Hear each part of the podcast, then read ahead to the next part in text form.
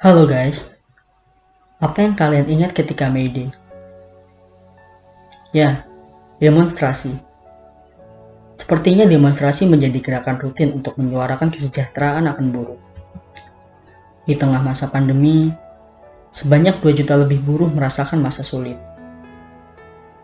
Di mana mereka harus dirumahkan karena PHK massal di berbagai perusahaan Masuknya tenaga kerja asing ke Indonesia di saat pandemi berlangsung ikut menghiasi keadaan ini. Bekerja tanpa kepastian kerja dan masih terasa jauh dari kesejahteraan.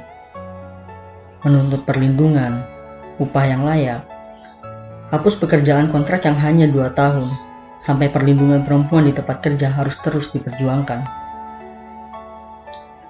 Hal yang sulit, memilih untuk di rumah saja mengikuti PSBB untuk mencegah penyebaran virus yang begitu berbahaya.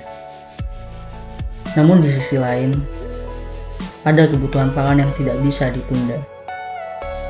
Nanti bantuan sosial yang sampai saat ini belum didapatkan seperti buah semalakama. Kalian para buruh membuktikan bahwa kalian memiliki rasa empati dan kepedulian yang tinggi terhadap sesama.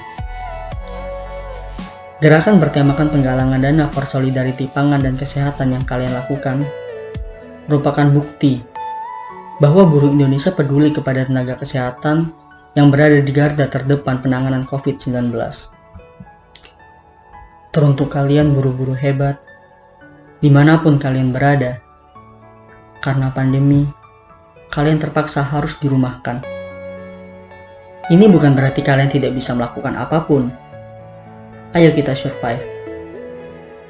Pemerintah telah membuka program kartu prakerja untuk para pencari kerja, pekerja aktif, dan para pekerja yang terkena PHK, guna meningkatkan keterampilan agar bisa tetap produktif di tengah pandemi COVID-19 ini.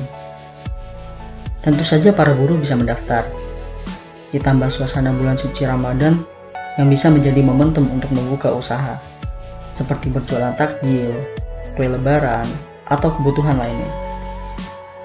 Semangat pekerja Indonesia. Kalian bisa.